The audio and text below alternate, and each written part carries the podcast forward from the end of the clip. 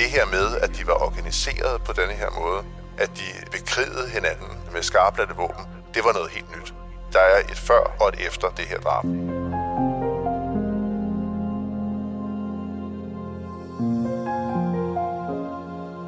De hårde drenge græd. Sådan lød overskriften i Dagbladet Aktuelt i november 1977 i forbindelse med begravelsen af en 24-årig mand fra Vestamager. Den unge mand var blevet slået ihjel under et dramatisk hævnangreb fra en rivaliserende gruppering på Amager. Aktionen var endt i en katastrofe, med flere sårede og en død ung mand. Vi går i denne udgave af Danske Drabsager tæt på Danmarks første rockerdrab. Vært på dette afsnit er politihistoriker Anders Brandt Lundager, og til at fortælle om sagen har han talt med forfatter og rockerekspert Carsten Norton. Mit navn er Stine Bolter. Velkommen til podcasten Danske Drabsager, fortalt af de fagfolk, der har været helt tæt på. Det er lørdag aften den 5. november 1977. Der er cirka en time til midnat, og festen er godt i gang i motorcykelklubben Nomads nye klubhus på Kikkuren på Islands Brygge. En bydel i Københavns Nordvestammer. Pludselig skærer et højt og gennemtrængende råb igennem den mundre lørdagsstemning. De kommer nu! Et splitsekund efter stormer 15 unge mænd ind ad døren, bevæbnet med knibler, jernstænger, træhæfter og jagtgeværer. Med et er klubhuset eksploderet i et inferno af larm, kaos og tumult. Angriberne bliver mødt af en regn af flasker og møbler, der kastes gennem luften, mens der bliver råbt og skrejet. En svinger en lægtehammer mod de angribende unge. Et andet sted i lokalet svinger en en morgenstjerne, der rammer et Nomads medlem i ryggen. Midt i larmen og tumulten lyder der pludselig en række skud. En af de unge tager sig til underlivet, en anden er ramt i benet. Endnu en skudsalve lyder, og i samme nu blæses en ung mand baglæns om kul, til han ligger tilbage på ryggen, livløs. Forfatter og rockerekspert Carsten Norton tager os her med tilbage til en skældsættende lørdag nat i 1977. En nat, hvor volden mellem to rivaliserende grupper af unge eskalerede til et helt nyt og kompromilløst niveau. Da politiet når frem til kikkuren øh, denne her efterårsnat i øh, 1977, der hersker der fuldstændig kaos i de her lokaler, hvor motorcykelklubben Nomads holder til. Der er tydeligvis blevet skudt, der har været noget kamp af en eller anden karakter, og der ligger en, øh, en ung mand, som er afgået ved døden. Så det politiet når frem til, det er det, man kunne kalde et, et ret kaotisk gerningssted. Umiddelbart så ved politiet jo ikke, hvem der har været på stedet, da den her unge mand øh, han er blevet skudt. Men, øh, men det, de jo sådan relativt hurtigt kan konstatere, det er, at der har været et sammenstød mellem to grupper af unge mænd. Dem, der holder til på stedet, er altså den her motorcykelklub øh, Nomads, og den unge mand, som, øh, som nu er, er skudt og, og død, han kommer i et øh, miljø, som øh, i hvert fald hos politiet bliver kaldt for Nørre Mindebanden. Det er sådan en, en slags lidt øh, uformelt fællesskab af nogle lidt utilpassede unge, som øh, kommer ud fra Vestamager. De utilpassede unge fra Vestamager havde et fællesskab, der tog afsæt i deres geografi, deres fælles baggrund og sociale kår. Nomads MC derimod var knyttet sammen i et fællesskab med interesse for motorcykler og idealer fra bikermiljøet i Storbritannien og især USA, hvor særligt rockergruppen Hells Angels var et stort idol for gruppen. Derfor bar de fuldgyldige medlemmer også veste med klubbens rygmærke. Et kranie med firprydelse. Nomads medlemmerne stammede oprindeligt fra Gladsaxe, men de var på et tidspunkt søgt ind til København. Her havde de haft nogle kortere legemål, blandt andet på Nørrebro, og nu havde de altså fået et mere permanent tilholdssted i nogle gamle industribygninger på Islands Brygge på Amager. Det var blandt andet det nye klubhus, der blev fejret den her lørdag aften. Dem, der tropper op på stedet denne her aften fra Nørres Mindegruppen, det er jo de her øh, unge fyre ude fra, fra Vestamager. Og de har gennem noget tid haft sådan lidt, om ikke sammenstød, så i hvert fald gnidninger med Nomads og, og, og resten af det, som, som dengang blev kaldt for, for rockermiljøet. Og relativt kort tid før denne her aften har der særligt været en episode, hvor en øh, ung fyr fra Vestermar, han er blevet øh, trampet i hovedet med, med træsko på af en fra rockermiljøet. Og det, det er jo faldet, faldet Vestermar-rødderne for brystet. De mener jo sådan set, at Amager er deres hjemmebane, Og det, at der nu er kommet sådan nogle udefra, inden fra Nørrebro, med deres øh, motorcykler og højrystet adfærd, det har de ikke sådan umiddelbart tænkt sig at finde sig i. Episoden med det voldelige overfald på en af de unge fra Vestamager havde fundet sted lidt over en uge før Nørres Mindegruppens angreb på Nomads klubhuset. Nogle Nomads medlemmer var troppet op på værtshusdiskoteket Løjtehus. Her havde de umotiveret overfaldet en 18-årig Nørres Minderud med navn Karsten. Bagefter havde rockerne proklameret, at Nørres Mindebanden bare kunne møde op samme sted den følgende fredag, hvis der var noget, de altså ville, nomadsdrengene. Det var en opfordring, som de unge fra Vestamager ikke sad overhørig.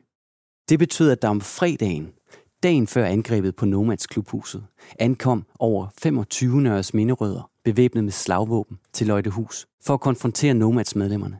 Til de unges store overraskelse var politiet også mødt talstærkt op, og de anholdt nu en stor del af de unge fra Vestermar og tog dem med på stationen. Politiet fik i midlertid ikke alle Nørres minderødderne med, så da et stort antal nomadsrockere kort tid efter ankom til Løjtehus på deres motorcykler, ja, så var de resterende unge fra Vestermar i alvorligt undertal. De blev et nemt bytte for slag og spark fra rockerne, inden de slap væk. Aften ved Løjtehus var et bittert nederlag for Nørres Mindebanden. Der er særligt en af de her Nørres Minderødder, som hedder Kim Mortensen, der har en, øh, en ret stor, sådan, det man kunne kalde retfærdighedssans, der byder ham at gøre et eller andet med det her. Så han arrangerer sammen med nogle af sine kammerater det, som øh, politiet kalder et commando raid, mod Nomads Klubhuset, hvor de vil simpelthen møde op og give de her rockere en, en lærestreg og vise, at øh, sådan skal man ikke behandle deres kammerater. Og det er jo altså det her commando raid, der så får fatale følger for Nørres Mindebanden. Kim Mortensen er jo fra Vestermar, og det, man skal huske på i dag, det er, at Vestermar på det her tidspunkt er noget helt andet, end det vi kender i dag. Det var et område, som øh, nogle steder havde sådan helt Klondike-agtig karakter. Der var mange kolonihaveområder, øh, hvor øh, nogen boede hele året. Der var ikke kloakeret, der var ikke varmt vand. Så det var på mange måder sådan et sted, som var helt anderledes end, øh, end resten af København. Og øh, Kim Mortensen, han øh, kom fra en familie, der havde slået sig ned herude i øh, et øh, sådan lavere middelklasse villakvarter, hvor han voksede op sammen med en, en helt almindelig familie. Han havde en lille søster, han var kendt for at, at være glad for dyr, og han øh, havde noget, noget arbejde som noget pædagogmedhjælper. Og så kom han altså i det her miljø, som blev kaldt for Nørres Mindegruppen. Der var ikke tale om en, en bande på den måde, eller heller ikke noget, der sådan var særlig funderet i sådan noget, der forstod sig selv som en motorcykelklub. Det var mere et fællesskab af de her unge, som, som kom fra en ret broget baggrund herude på, på Vestamager. Det umotiverede overfald på en ung Nørres Minderud og det efterfølgende fejlslagende forsøg på et sammenstød med nomadsrockerne ved Løjtehus havde fået den 24-årige og hans kammerater på den idé, at de en gang for alle ville afskrække rockerne. De ville foretage et frontalangreb på det nye rockerhovedkvarter på Islands Brygge. Carsten Norton fortæller. Kim Mortensen og hans kammerater, de kører afsted i, øh, i bil mod Kikkuren, som ligger på Islands Brygge, helt inde ved, ved Langebro. De har bevæbnet sig med, med det, de nu havde. Og øh, det, som de måske ikke sådan havde gjort sig helt klart, da de kørte hjemmefra, det var, at Nomads hovedkontoret, hvis vi skal kalde det det, det lå inde i en, øh, en gård, så man skulle faktisk igennem en port for at, at komme ind til, til selve opgangen. Og det, at de ikke var klar over det, det vidner jo om, at der var ikke nogen større planlægning forud for det her. De vidste, hvor Nomads var, og de besluttede sig for, at der kører vi hen, og så skal de have en røvfuld, må vi gå ud fra, det de sådan har, har talt sig frem til. Øh, da de så kommer frem til stedet og kan se, at der er aflåst, så, så venter de et øjeblik, og tilfældet vil så, at der på et tidspunkt er et, øh, et par, en uh, ung fyr og hans kæreste fra Nomads, der er på vej ned for at, at hente noget aftensmad. Så i det, de øh, går ud af porten, så slår Nørres Mindegruppen til og benytter lejligheden til at komme ind af porten, og på en eller anden måde, hvad skal man sige, de tager jo ikke Øh, gisler er nok et stort ord, men øh, de tilbageholder i hvert fald de her to Nomads-folk, mens de så beslutter sig for at vælte op ad trappen til det her rocker-klubhus. I det, de kommer ind, så er der en fra Vestermark-gruppen, der afgiver skud. De, de vælter simpelthen ind ad døren. Nomads-folkene, de sidder inde på den anden side og hygger sig. De drikker øl og, og spiller kort, eller hvad de nu laver. Og de reagerer sådan forholdsvis hurtigt. Det er ikke til at vide, om de var forberedt på, at der skulle ske noget, men de har i hvert fald også våben på stedet. Og i det, de sådan er, kommer sig over den første overraskelse og har søgt dækning bag nogle, nogle møbler, så er der en, der skyder med et gevær, og de her skud, de rammer Kim Mortensen, som så falder om på stedet. Kort tid efter den her skudveksling, der er inde i, i klubhuset, der er der en, øh, en slags visevært i ejendommen, der slår alarm og tilkalder politiet, og de kommer ret hurtigt frem til stedet. På det tidspunkt er der så en del fra både den ene og den anden gruppe, der er flygtet og er over alle bjerge. Og midt i det her sådan første lidt kaotiske situation, der ankommer der også nogle øh, Nomads-sympatisører fra et andet sted i byen, som har, har hørt om, om den her skudveksling og, altså, og dukker op for ligesom at, at støtte deres kammerater, kan man sige. Det var et komplet kaos, som politiet dukkede op til. Blandt væltede møbler, knuste ølflasker og glasgård fra de sønderskudte vinduer fandt politiet livet af en ung mand fra Nørres Mindegruppen. En politimand kunne hurtigt genkende ham fra de afhøringer, som politiet havde foretaget dagen forinden, efter urolighederne ved Løjtehus. Længere inde i klubhuset fandt politiet også blodspor fra de to Nomads medlemmer, der også var blevet ramt af skud. Det første, de går i gang med derinde i politiet, det er jo at spørge sig frem for at finde ud af, hvad er det egentlig, der er foregået. Og der møder de jo dels en mur af tavshed, kan man kalde det for. Allerede på det her tidspunkt er det jo sådan, at øh, i det her miljø, der ønsker man ikke at tale med politiet.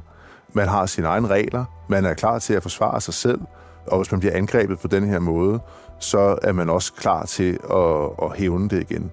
Så det er jo egentlig noget af det, som, som øh, de her folk fra Nomads øh, også siger. Selvom det faktisk er dem, der har skudt og dræbt en af de andre, så føler de jo, at de er blevet angrebet af en fjende, og de går med det samme ud og siger, at de kræver hævn. Det samme sker fra Nørres Mindegruppens side. De siger, jamen selvom det var os, der angreb Nomads, så var vi jo kommet for at hævne det her overfald, der har været på vores kammerat. Nu er en af vores blevet skudt ovenikøbet dræbt, så vi sværger selvfølgelig også hævn over de her rockere, der er kommet til Amager og har skabt det her kaos, som slet ikke var der før, hvor vi bare havde vores egen hjemmebane for os selv. Så, så øh, politiet øh, møder altså dels en, en tavshed i forhold til, hvad er det egentlig, der er foregået, og dels en række sådan proklameringer om, hvad det er, der vil komme til at ske fremover. Så det er ret kaotisk, og det kan man også se allerede få dage efter, hvor der er øh, et, et, grundlovsforhør i, i byretten, hvor man fremstiller nogle af de her folk. Det er meget, meget svært at finde ud af, hvad er det egentlig, der er foregået, hvem er det, der har trykket på en aftrækker. Det våbenarsenal, som politiet finder ude hos Nomads på Islands Brygge, det er jo dels sådan nogle altså hjemmelavede våben, kan man kalde det for. Altså, der ligner noget fra middelalderen. Det er køller med søm på, det er morgenstjerner, det er også knive af forskellige slags, spejderdolke vil man nok have kaldt det for dengang. Men så er det altså også øh, skydevåben, altså i virkeligheden øh, helt almindelige øh, jagtvåben. Og det kan jo se sådan med nutidsøjne virke ret overraskende, at øh, så unge mænd de har adgang til altså skarpladte skydevåben. Men der skal man lige øh, huske på, at i slutningen af 70'erne, der var det noget lettere at anskaffe øh, jagtvåben, end det er i dag. Der var blandt andet øh, våbenforretninger i, øh, i Københavns centrum, hvor man ret ubesværet kunne gå ned og, og øh, for nogle få hundrede kroner anskaffe et skydevåben. Og det var ikke sådan noget, der egentlig, hvad skal man sige, var synderligt kontroversielt. Man må godt nok ikke gå rundt med våbnet sådan frit fremme på strøget. Men hvis man gjorde, så var øh, sanktionen for det en bøde. Det er ikke ligesom i dag, hvor bare det at have et øh, skydevåben uden at have en våbentilladelse, det kan, det kan give en øh, lang, ubetinget fængselsstraf. Så de her skydevåben, som både Nomads-folkene havde og øh, Nørres Mindefolkene havde på deres side, det var noget, de havde været nede og købe i, i den butik, der jo stadigvæk eksisterer, der hedder Arms Gallery, og det var, det var der ikke noget øh, særligt usædvanligt i. Hvad der til gengæld var usædvanligt, set med politiets øjne, var, at man ved den her hændelse for første gang havde set skydevåben anvendt i en konfrontation mellem de her ungdomsgrupperinger. Begge parter havde affyret deres våben, og i begge lejre var nogen blevet ramt. Konflikten mellem de unge havde til synlandet nået et helt nyt niveau. Carsten Norton fortæller. Drabet er det første af sin karakter overhovedet. Der har været nogle ganske, ganske få voldelige sammenstød mellem det, man dengang vil, måske vil kalde ungdomsbander i København. Der havde været en episode i en fritidsklub i Gardnergade på Nørrebro, som kunne være gået galt, men ikke gjorde det. Og der havde været nogle enkelte andre sammenstød i, i, i nattelivet. Men det her med, at øh, unge mænd på denne her måde altså trækker øh, skarplatte skydevåben og ligefrem slår hinanden ihjel, det er helt uset og uhørt. Så politiet står med en helt ny problemstilling foran sig, som de ikke var bekendt med i forvejen. Og man kan også se i den omtale, der er af sagen på daværende tidspunkt i, i, i pressen og medierne generelt, at man betragter det som en tragisk hændelse. Der er måske sådan en underliggende frygt for, at det her det er noget, der vil kunne komme til at gentage sig, fordi man hører de her unge mennesker meget åbent i øvrigt på en måde, man nok heller ikke vil opleve i dag, sværge hævn mod hinanden. Altså, de unge lægger ikke skjult på, at de har til hensigt at gå ud og dræbe en af, af de andre, altså en fra fjendens lejr. Men altså igen, man betragter det nok lidt som en, en tragisk hændelse, som man øh, forsøge at undgå i fremtiden. Man ser det ikke som et eller andet nyt strukturelt fænomen eller problem, som risikerer at eskalere. Det brændende ønske om at få hævn fra begge sider skærpede også flere af de unges bevidsthed om deres egen personlige sikkerhed. Og det er en grad, som politiet ikke havde set før. Selvom der ikke er nogen af de her unge mænd, hverken fra Nomads eller fra Nørres Mindegruppen, der har lyst til at sige så meget om, hvad det er, der er sket. Så noget af det, de også siger nede i, i retslokalet foran en dommer, det er, at de faktisk vil foretrække nærmest at blive varetægtsfængslet frem for at blive stået på fri fod. Fordi øh, hvis de går ud på gaden fra retten som frie mænd, så er de ret øh, sikre på, at de vil være mål for hævn simpelthen. De frygter simpelthen for deres liv. Mens politiets efterforskere arbejdede ihærdigt på at udrede og afklare hændelsesforløbet omkring angrebet og drabet i Nomads klubhuset, ja, så arbejdede en retsmediciner på obduktionen af den dræbte unge mands lig. Obduktionen afslørede nye gruopvækkende detaljer om, hvad der var sket med den afdøde, inden politiet var trådt ind ad døren til Nomads klubhuset.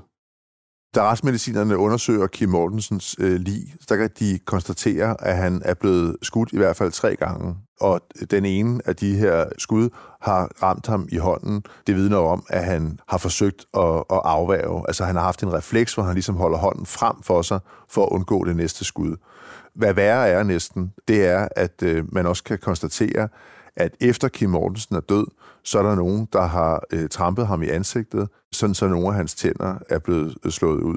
Og det vidner jo om fra Nørres Mindefolkenes side, om at øh, Noma simpelthen har vel give en ekstra ydmygelse, selv efter at Kim Mortensen er død. Og det er jo noget, som også påkalder sig en del opmærksomhed, fordi det er jo en, en brutalitet, som man ikke kender fra tidligere tilfælde. Altså at man simpelthen på en meget afstumpet måde øh, vandærer den her person, som man har dræbt.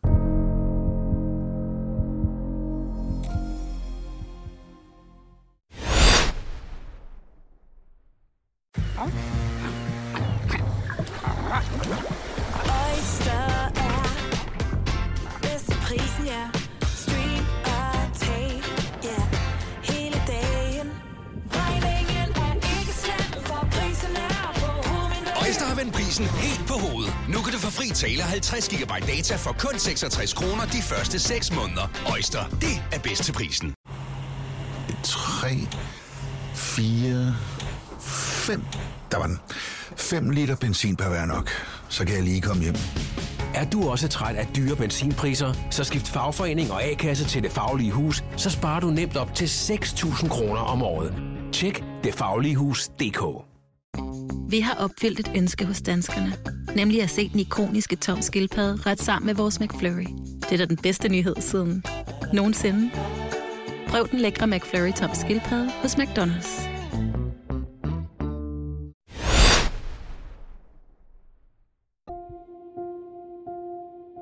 Da retsmedicineren læner sig ind over den unge mand og løfter overlæben for at undersøge ham nærmere, kan hun hurtigt konstatere, at tænderne i både over- og undermunden er knust – hun finder noget at skrive med og noterer sin opdagelse på et stykke papir, og tilføjer, at skaderne formentlig er forårsaget af et skud fra et havlgevær.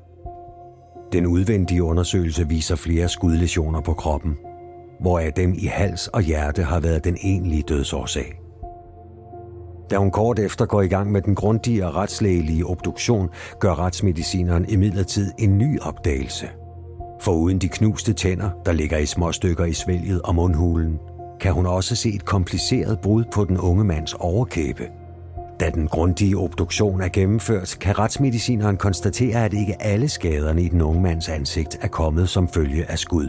Flere af skaderne er opstået som følge af stump vold. Obduktionen afslørede altså det uhyggelige faktum, at nogen inde i Nomads klubhuset enten havde slået eller sparket offeret i ansigtet i sekunderne eller minutterne efter han var blevet skudt. Oplysningen om, at kammeraten på den ene eller anden måde var blevet mishandlet efter at være blevet ramt af skud, bidrog i den grad til ubehag i Nørres Mindelejren. Denne her oplysning om, at Kim har fået trampet øh, nogle af sine tænder ud af munden, efter han er blevet skudt, det er ikke noget, der sådan lige kommer frem i første omgang. Det er først noget, offentligheden får kendskab til, efter en, øh, en ung fyr fra Nørres Mindegruppen inde i fængslet hører sådan på vandrørene, at der er nogen fra Nomads, der også sidder fængslet, som går og praler med, at de altså har, har vandæret Kim efter hans død. Og inden i, i fængslet, der kommer det også til en fysisk konfrontation mellem de her to parter, da Nørres Minde fyren for viden om, at, øh, at hans kammerat er blevet trampet i ansigtet på den her måde. En besynderlig detalje, der også vidner lidt om den måde, som Nomads har betragtet den her episode på, det er, at der i lang tid efter drabet, der kan man se den her optegnede korrektur efter Kim Mortensens lig på gulvet, øh, sådan som man kender det for eksempel fra amerikanske film. Og det er jo en slags måde, kan vi gå ud fra, ligesom at sige, at, at det var her, det skete. Altså, at det næsten antager karakter af en, en, en form for trofæ, at man har dræbt en fjende øh, på stedet. Et centralt spørgsmål manglede stadig at blive besvaret. Hvem havde trykket på aftrækkeren på det havlgevær, der havde været rettet mod drabsoffret? For at politiet kunne besvare det spørgsmål, skulle man først finde frem til gerningsvåbnet. Der får politiet det helt store gennembrud, da de finder et våben, som er, må vi gå ud fra, forsøgt skjult i en tagrende. Det her våben, det kan relativt hurtigt øh, knyttes til skuddene mod Kim Mortensen, og det bliver meldt ud. Altså politiet lader det sive i miljøet, at nu har vi fundet det her våben, og det er faktisk kun et spørgsmål om tid, før vi får fat i den person, der har trykket på aftrækkeren. Og, og, og netop fordi der er denne her frygt i miljøet for, for hævn, og man simpelthen er bange for, at der kommer nogle af modstanderne og, og, og dræber en, så ender det faktisk med, at den person, der trykkede på aftrækkeren, en ung fyr, der hed Gubi, blev han kaldt i miljøet, han besluttede sig for at melde sig selv, og det skal vi nok regne med, at det er ud fra den betragtning, at øh, han trods alt er mere tryg i øh, politiets varetægt. Politiet kan passe på ham, end hvis han forsøger at skjule sig og, og leve under jorden. Det bare 20-årige Nomads prøvemedlem erkendte altså, at det var ham, der havde affyret den dræbende by af skud. Han forklarede desuden hændelsesforløbet, vel at mærke set fra sit perspektiv. Det, han kan fortælle, det er jo netop, at nomadsfolkene, de har siddet og hygget sig i deres lokaler ude øh, på kikuren, da det pludselig bulrer og brager ved døren, og der kommer folk væltende ind. Det er sådan, at lige inden for hoveddøren til det her lokale, der er det muligt at gå ind i et andet mindre rum inde i, i Nomads klubhuset. Så ved lyden af, at, at denne her, øh, hvad skal man sige, angribende flok, så er der en, øh, en gruppe af de her Nomads folk, der simpelthen søger tilflugt inde i det lille rum. Kort efter var der fuldstændig kaos i lokalet. Der træder Kim Mortensen, ifølge Gubi, hen i døråbningen ind til det lille rum øh, og afgiver skud med sit våben. I hvert fald et par af de her skud rammer en øh, fyr fra Nomads, der blev kaldt Paul Piv, og han jammer sig selvfølgelig med det samme over øh, smerten fra de her skud. Og midt i det her, øh, den her kaotiske situation, der er der en, der, der råber en høj stemme fra, fra et Nomads-medlem, der råber skyd, og i en eller anden form for paniktilstand tager Gubi så sit våben og skyder hen mod døren og rammer altså Kim Mortensen, der så dør kort efter. Så det er den forklaring, Gubi han giver ned i retten, og det som han også med sin øh, forsvars opbakning siger, det er, at der var tale om en slags nødværve, altså at de handlede i selvforsvar, fordi det var dem, der blev angrebet i deres klubhus, hvor de egentlig bare sad og havde en stille og rolig lørdag aften. Geværet havde kostet 650 kroner, og købet var sket uden, at han var blevet nærmere kontrolleret. Lidt under en uge efter stormen på Nomads klubhuset og drabet, udtalte gerningsmanden sig til avisen aktuelt om, hvorfor han havde skudt. På forsiden af fredagens aktuelt lyder en af overskrifterne. Tilstår bandemordet. Jeg var bange og skød.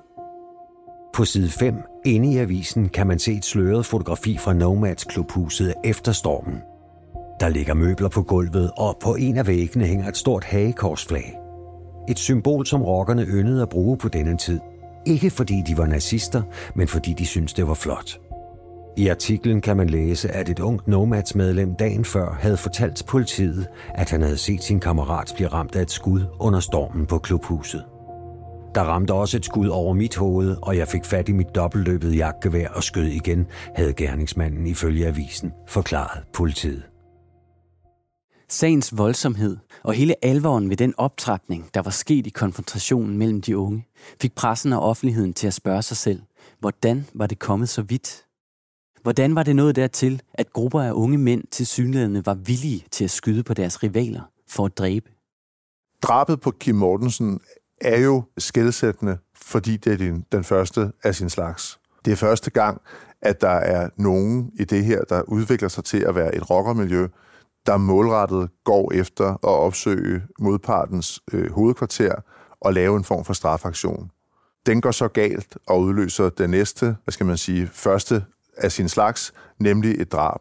Dem, der bliver angrebet, viser, at de er, har til sinds at forsvare sig. De skyer ingen midler i forhold til at forsvare deres territorium, og de dræber jo simpelthen en, en angribende modpart. Begge de her ting er sådan helt skældsættende. Det man så efterfølgende kan se i den omtale, der er i offentligheden, og sådan som almindelige mennesker pludselig får kendskab til, det er, at der sådan nede under normalsamfundet er nogle grupper af, af unge mennesker, der betragter nogle steder som deres territorier. Altså dem fra Nørre Minde-området, de opfatter Vestamager og Amager sådan set som helhed som deres. Det er deres territorium. De ønsker ikke, at der er nogen andre udefra kommende, som de er kan man sige, sammenlignelige med, eller som er rivaler. Dem er der ikke plads til. Og samtidig så ser vi, at nomads i deres flytten rundt fra Gladsaxe til Nørrebro til Islands Brygge, de bemægtiger sig de områder, de er i, og siger, at det her, det er vores, og det vil vi forsvare. Hvis der er nogen i forvejen, så er vi ligeglade, så er vi villige til at nedkæmpe dem, som man nedkæmper enhver fjende i en krig. Så det her er altså nogle helt nye mekanismer, som øh, vi også godt kan lægge til grund i dag. Altså den for almindelige øh, avislæsende bedsteborgere, så er det en, en, en helt ny verden, der er, er kommet til Danmark, og som, som ikke var der bare få år forinden. Der havde ganske vist været de her motorcykelklubber, der kørte rundt og mødtes med hinanden, og nogle af dem kom måske også sådan lidt øh, værtshusslagsmål og håndgemæng. Men det her med, at de var organiseret på denne her måde, at de bekrigede hinanden øh, med skarplatte våben, det var noget helt nyt. Og der er et før og et efter det her drab. Drabet blev altså skældsættende. Ikke mindst fordi, at det blev begyndelsen på nye alliancer og en langstrakt krig mellem helt nye rockergrupperinger i Danmark. Carsten Norton forklarer. Begge de her klubber, altså Nørre Mindebanden, som ikke var en klub, men en slags løsere struktureret øh, sammenhold, og Nomads på den anden side. Begge de her strukturer, kan vi kalde det for, de fandt jo ud af, at de var måske ligefrem nødt til at øh, opruste og forberede sig på flere voldelige sammenstød. Og det var jo ikke noget, der sådan lige skete fra den ene dag til den anden. Men det, der kom til at ske sådan med tiden, det var, at Nørre Mindegruppen fandt allieret i rockermiljøet, som de på en måde var i krig med, men de slog sig sammen med Nomads fjender og dannede det, der sidenhen blev til øh, den danske rockerklub Bullshit. På den anden side stod Nomads, og de øh, slog sig sammen med nogle andre klubber i det, som de selv valgte at kalde Unionen, hvor de svor hævn over dem fra Vestermar. Drabet fik ikke bare betydning for de rivaliserende grupperinger og deres konflikter. Også politiet måtte efterfølgende ændre syn på sammenstødene, parterne og ikke mindst håndteringen af dem. For politiet, så kan man sige, at det bliver indgangen til en ny epoke. Altså, der har som, som sagt været de her motorcykler, chak kaldte de sig for tidligere, som måske flirtede lidt med en eller anden form for sådan rocker-biker-livsstil, øh, men, men det var måske mere en fritidssyssel. Det var stadigvæk sådan, at dem, der kom i det her motorcykelmiljø, de havde en læreplads eller almindeligt arbejde i dagtimerne, og så var det her noget, de sådan dyrkede i deres fritid. Det, som politiet ser nu, det er, at de her klubber, de finder sammen i klubhuse, og mange af dem bor der nærmest hele tiden, og laver faktisk ikke så meget andet end at være rockere, som de så bliver kaldt for på det her tidspunkt. I forbindelse med politiets efterforskning af det her miljø, der bliver der sådan flere gange oprettet det, man i dag vil kalde et taskforce, altså en, øh, en slags fokusgruppe, som øh, i forbindelse også med nogle konkrete episoder fik at vide af politiledelsen, at nu skal vi lige blive lidt klogere på, hvad det her det egentlig går ud på. Og i den forbindelse, der begyndte man at, at foretage nogle meget tidlige registreringer, som, som i dag kan virke sådan lidt komiske. Altså, men, men altså, det var jo en tid før øh, computer og internet, så det foregik på øh, små kartotekskort af, af pap, hvor, hvor man med skrivemaskinen skrev øh, navnet på den her klub og adressen på deres klubhus, og så de oplysninger, man måske havde om, om nogle af de her personer på stedet. Altså, hvis man tager sådan det helt store helikopterperspektiv på, så kan man så sige, at øh, det er jo så det, der har udviklet sig til sådan et, et, et rocker-bande-database, som vi måske kender det i dag. Men der skal man så vide, at det her, det var noget, som politiet gjorde i nogle meget små drøb. Altså efter drabet på Kim Mortensen, der var der noget tid, hvor man havde et øget fokus på det her øh, miljø, men det var noget, der lagde sig igen. Der kom andre drab, der kom andre begivenheder, som gjorde, at politiet var nødt til at lægge det her til side. Altså, da sagen om Kim Mortensen sådan i, i grove træk var, var opklaret, så gik politiet videre med noget andet arbejde. Og så var det først, når der skete noget tilsvarende, hvilket jo kom til at ske, at man måske genoptog det her fokus. Men altså, de første øh, adskillige årtier, der var der ikke et dedikeret fokus på rockermiljøet. Det ser vi i virkeligheden først øh, helt fremme i, øh, i slutningen af nullerne. Der var stor spænding og nervøsitet i begge lejre, da gerningsmanden og rockerbrødrene fra Nomads MC på den ene side og Nørres Minderødderne på den anden side tog plads i Københavns byret. Begge parter var fuldt ud klar over, at kun én af dem kunne gå sejrigt ud af retslokalet. I retten, der ender sagen om drabet på Kim Mortensen på den måde, at der er 14 fra Anhøres Minde-banden, der bliver dømt. De bliver betragtet som aggressorer, som angriber. Det er dem, der optrapper den her situation. Nogle af dem får øh, ubetingede straffe, andre får nogle betingede straffe. Og i forhold til, til Gubi, som jo altså fortæller, hvad det er, der er sket, og han siger, at han handlede nødværve, jamen så vælger retten at tilslutte sig hans forklaring, og han bliver frikendt i denne her sag. Og det er jo næsten uundgåeligt, at det her det bliver opfattet som en voldsom losing ude på Vestermar. De mener jo, at de var på vej ind for at hævne en kammerat, der var blevet behandlet urimeligt, og de ender så med at miste Kim Mortensen, som havde en eller anden form for status af lederskikkelse i deres gruppe. Og så på den anden side kan de så se på, at øh, uh, Gubi, som siger, at det var mig, der skød og dræbte øh, Kim, jamen han går uh, ud af retten som en fri mand. Så det er klart, at, at, at denne her sag, også efter det retslige øh, slutspil her, den skaber en, en, en ny situation i miljøet, og et helt klart hævnmotiv for, for Vestermar. Det blev aldrig opklaret, hvem der havde begået vold mod offret, efter han var faldet om på gulvet i Nomads klubhuset. En ting er dog sikkert. Hændelserne på Islands Brygge den her lørdag aften i 1977 satte dybe spor flere steder. Carsten Norton har i forbindelse med research til sin bøger om Hells Angels historie i Danmark talt med flere forskellige kilder i politiet og rockermiljøet om deres vurdering af begivenhederne, som de udspillede sig dengang. De politifolk, som jeg har talt med, som var øh, på efterforskningen dengang, de betegner jo netop det her som, som noget, der var stærkt overraskende.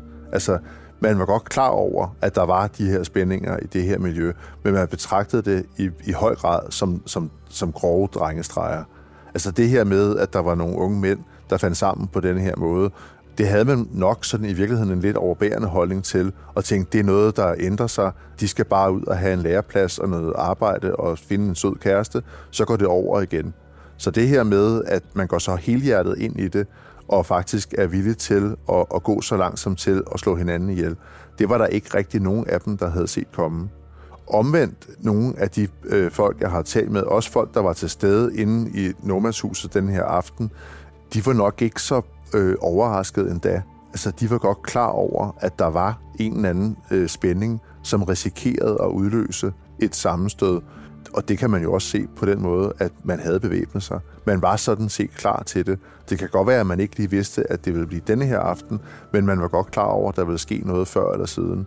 Og det er klart så, at, at øh, og det er jo karakteristisk for miljøet, så har man så også sådan en lidt, hvad skal man sige, håndelig distance til den måde, som Nørres Minderødderne, de udførte det på. Altså, det, det blev inde i Nomads-huset betragtet som, ja, undskyld udtrykket, næsten lidt komisk, at man ankom på denne her måde. Altså, i en bil bevæbnet, Man, man sniger sig ind, man buller ind, og hvad havde man egentlig forestillet sig? Fordi i gåseøjne selvfølgelig var man parat til kamp. Så den øh, opfattelse, der er hos henholdsvis øh, miljøet og politiet, den står jo meget, meget skarp kontrast til hinanden. Og jo ikke mindst derfor, så, så bliver det her også øh, en skældsættende begivenhed. Både i forhold til eskaleringen af konflikt i miljøet, og i forhold til den måde, som man i, i hvert fald i en periode tager det her mere alvorligt hos politiet.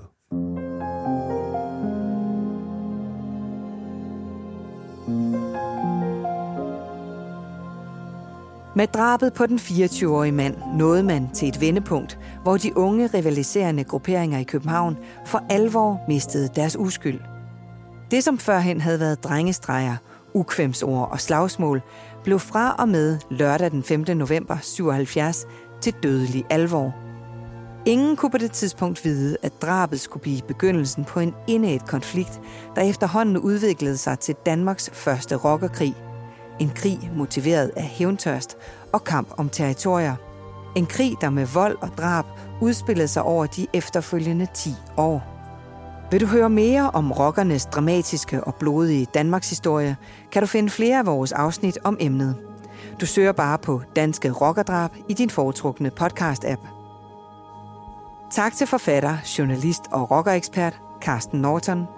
Vært på denne episode var historiker Anders Brandt Lundager – Speaks indtalt af Henrik Forsum, musik af potmusik.dk, klippet af Rasmus Svinger og produceret af Bauer Media og True Crime Agency. Mit navn er Stine Bolter. Tak fordi du lyttede med.